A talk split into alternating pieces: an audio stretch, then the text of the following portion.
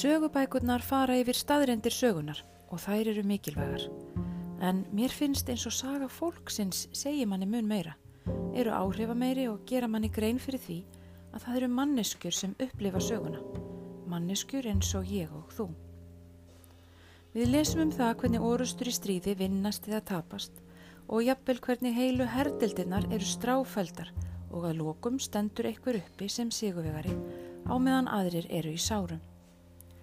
En mannlegi hlutin fær ekki eins mikið plás. Saga Elfríðar heitlaði mig. Saga þýsku stúlkunar sem lifði af heimstyrjöld og endaði á Siglunesi. Elfríð var lítil stelpa í Þýskalandi. Hún gekk í skóla og hafði það eigin sögn allt til alls á þeim góða tíma sem hún uppliði fyrir stríðið. En þegar setni heimstyrjöldin skall á, breyttist allt til hins verra. Hún misti marga nákomna og var sjálf nær dauða en lífi í lók stríðs eftir að hafa upplifað hluti sem eru svo óhugnanlegir að maður getur ekki ímynda sér þá. Hún réði sér þá til vinna á Íslandi eins og 300 aðrir þjóðverir á þessum tíma og kom á Siglunes í júni 1949, þá ný orðin tvítug, til að dvelja í eitt ár. En Siglunes er stutt frá Siglufyrði og mjög afskekt. Ég mæli með því að þú lesi bókina en hér er aðeins farið yfir á hundavaði. Sagan hennar er mögnuð en sögð af hóverð. Það er dóttir Elfríða sem skráir sögumömmu sinnar, Elfríð, frá hörmungum Þískalands til Hamingjustrandar. Ég heiti Sigrún og þetta hlaðvarp er hluti af umfjöllun minni um sittni heimstyrjölduna og fyrri hluti um fjöllunarinnar um Elfríði.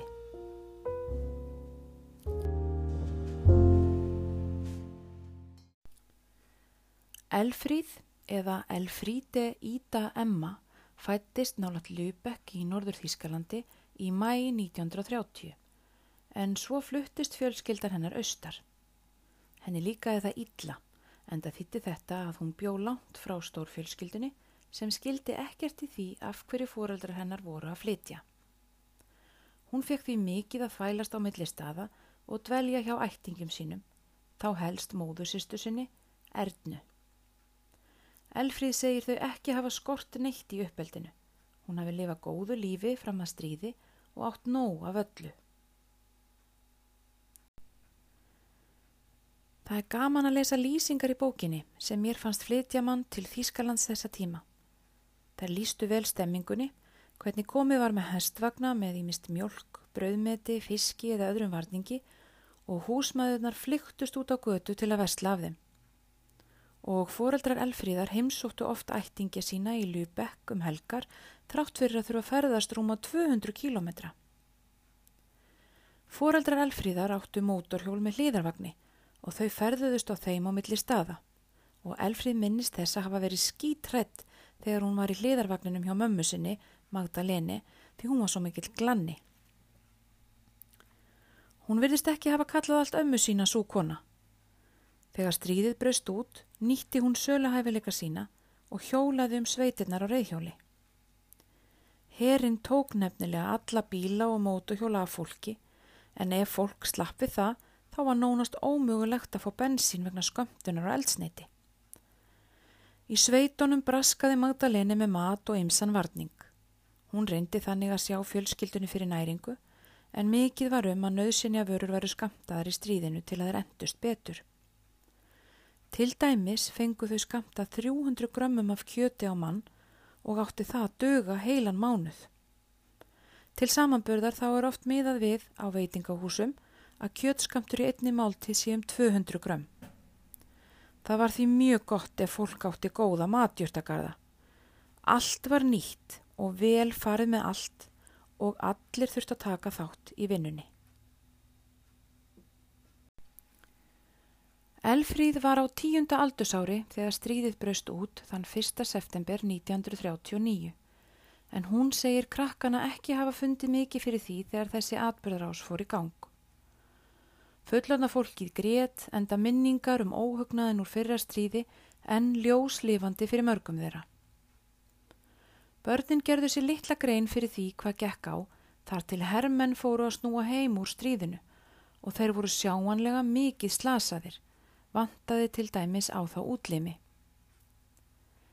Grátandi svartklætt fólk syrði látna og alvaran fór ekki fram hjá börnum í Þískalandi sem skildu ekki af hverju allir gáttu ekki verið vinir.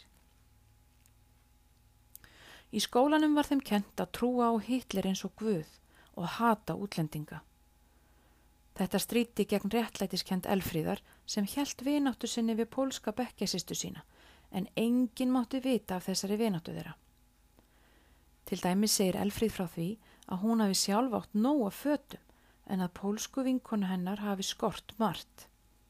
Hún klætti sér því stundum í tvöfalt laga fötum áður en hún fóra heimann og gaf svo vinkonu sinni fött. Sumir pólverjar komu sem sagt að fúsum og frjálsum vilja yfir landamærin á þessum tíma og vinkona Elfríðar var einn þeirra. Þau voru þá svo kallaðir frjálsir fangar. Gerð var krafa um að útlendingar aðluguðust og töluðu lítalösa þýsku og Elfríð hjálpaði vinkonu sinni oft með heimalærdóminn. Kennaratnir yfirherðu börnin um hvað þau gerðu heima hvort fóreldra þeirra færu ekki öruglegað öllum reglum sem nazistar bóðuðu. Ef einhver sagði svo mikið sem eitt stigðar yrðum Hitler, gata orði til þess að hann hyrfi. Það er, væri settur í fangelsi eða jafnvel drepin. Eitt frændi Elfríðar neytaði til dæmis að heilsað síð nazista og var barinn til óbóta fyrir vikið. Ennfremur var konan hans látin fara í aðgerð sem gerði það að verkum að hún gat ekki orðið ófrísk. Þeim var gert ókleift að egnast fleiri börn til að refsa þeim fyrir þessi hljóðu mótmæli. Haustið eftir að stríðið breyst út egnaðist Elfríð tvíburabræður svo þá bættust við munnar til að fæða. En Elfríð syndi skildustörfum í hitlesæskunni, gekk í skóla og hjálpaði eins og hún gat á heimilinu. Hitlers æskan var æskuliðstarf nazista. Öllum börnum var gert skilt að ganga til liðs við hana. Það var talið mikilvægar en skólagangan að börn pössuðu upp á rekt sína við Hitler. Ef þau mættu ekki, þá voru þau sótt af lauruglunni. Miklar og stránga reglur voru um alla umgengni og hrinnlæti. Til dæmis var fólk sektað ef það var ekki búið að sópa fyrir utan húsin sín á hádegi. Elfríð lendi oft í loftárásum í Lübeck. Hún uppliði mikla skelvingu og stöðuga ógn. Þau voru alltaf viðbúin að flýja með pakkaði töskur og svo sváfu þau í fötum til að geta flúið sem fyrst ef þess gerðist þörf. Víða voru loftvarnabyrgi þar sem búið var að útbúa rými sem átti að vera örugt fyrir sprengjónum. Einu sinni var varpa sprengju á húsið sem hún var í og eldsprengja láfi hliðin á henni en hún lendi vittlust svo hún sprakk ekki. Börn í Þýskalandi nazismans þurftu að fullornast hratt og voru börn á fermingar aldrei sett í að aðstóða fólk eftir að hús þeirra höfðu verið sprengt við að leitað ættingum og taka saman brak. Þess byrja geta að hér á Íslandi voru líka loftvarnabyrgi og í tímareitinu Skuttli frá árinu 1940 má til dæmis sjá leiðbynningar til íbúa Reykjavíkur um hvernig skal haga sér þegar hætta er á loftarásum. Farið var með krakkana til Östuríkis til að kvíla þau frá hörmungum stríðsins. Þau voru svefnvana af endalösum loftárásum og gáttu ekki stundað námsitt. Þau áttu að vera sex vikur en fengu skarlatsótt og gáttu því ekki snúið heim næsta hálfa árið. Nasistar öguðu þau til og heldu upp í heraga og refsuðu til dæmis fyrir slæma umgengni. Elfríð segir þetta alltaf innbyggt í sig eftir þessa rinslu. Hún sé mjög snirtileg og gangi alltaf mjög vel um. Pappi Elfríðar þurfti að fara í herin og hún misti bróði sinn af slísförum. Það reyndist Elfríð gríðalegt áfall.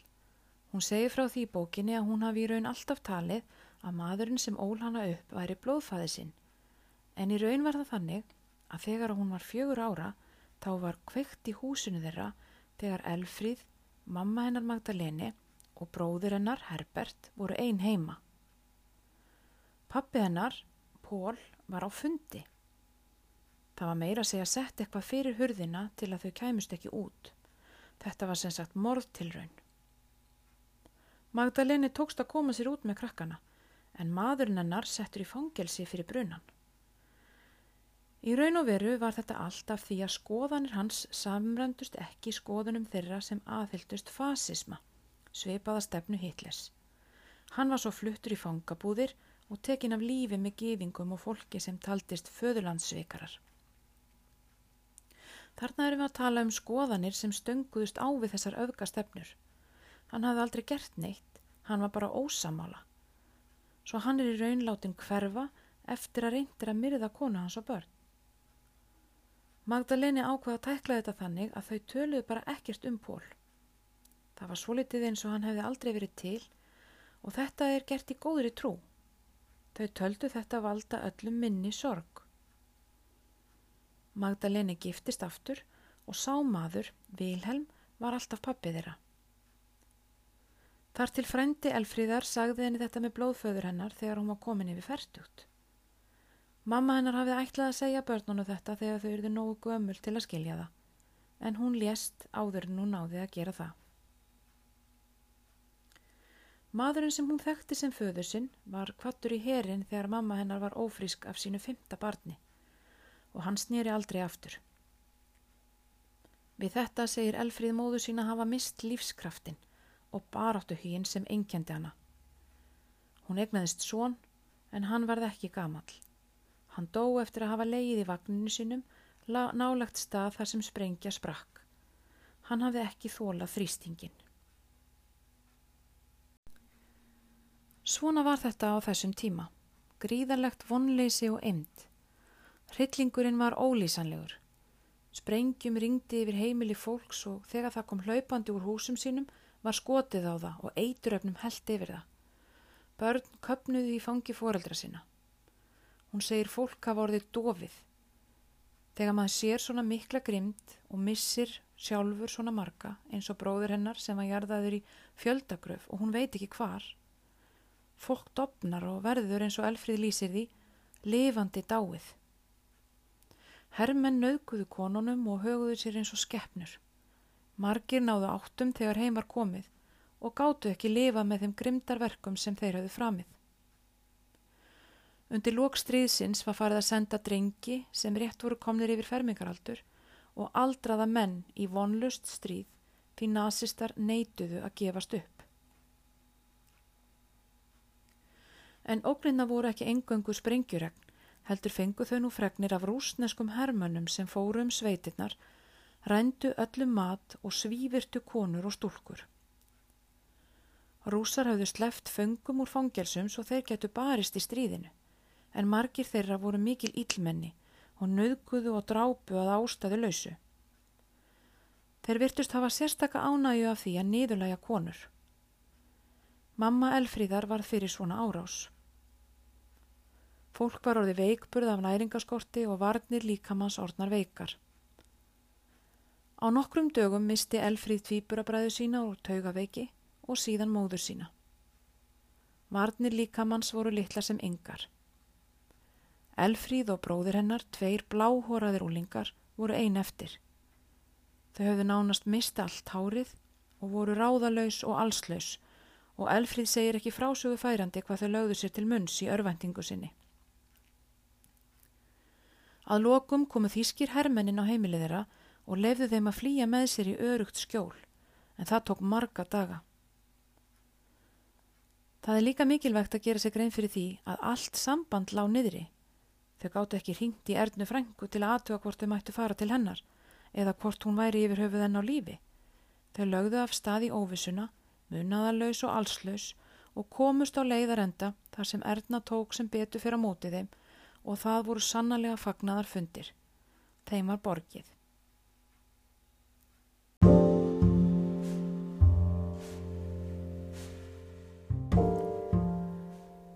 Það er svo merkilegt að lesa sögu Elfríðar finnst mér, því maður fær aðra hlið. Hún er venjulegur þjóðveri, ekki nazisti, en kannski lítum að þau þannig á að allir þjóðverar hafi verið nazistar á illmenni, sem eru auðvitað alls ekki rétt og mikil einföldun. En sagan er oft þannig. Maður fær eina hlið og eins og Winston Churchill á einhver tíman hafa sagt að sagan er skrifið af sigurvegurunum. History is written by the victors og hugsanlega fáum við skakka sín á hlið hinna. Heimili fólks voru sprengt í loft upp og óbreyttir borgarar letu lífið. Börn voru hungruð og hrætt og voru hægt að leika sér. Margir mistu sína nánustu og þurftu svo að vinna sjálfur öllu saman því ekkert var til sem hétt áfallahjálp eða sálgæsla á þessum tíma.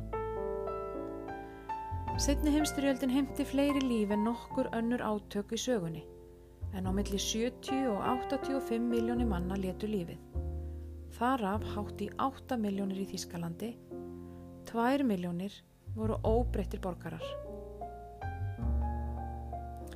Ég hef í þessum þætti farið við Þískalands ár elfriðar en í næsta þætti förum við með henni til Íslands þar sem hún þáði starf við landbúnað og ætlaði sér að vera eitt ár en önnur varð svo raunin.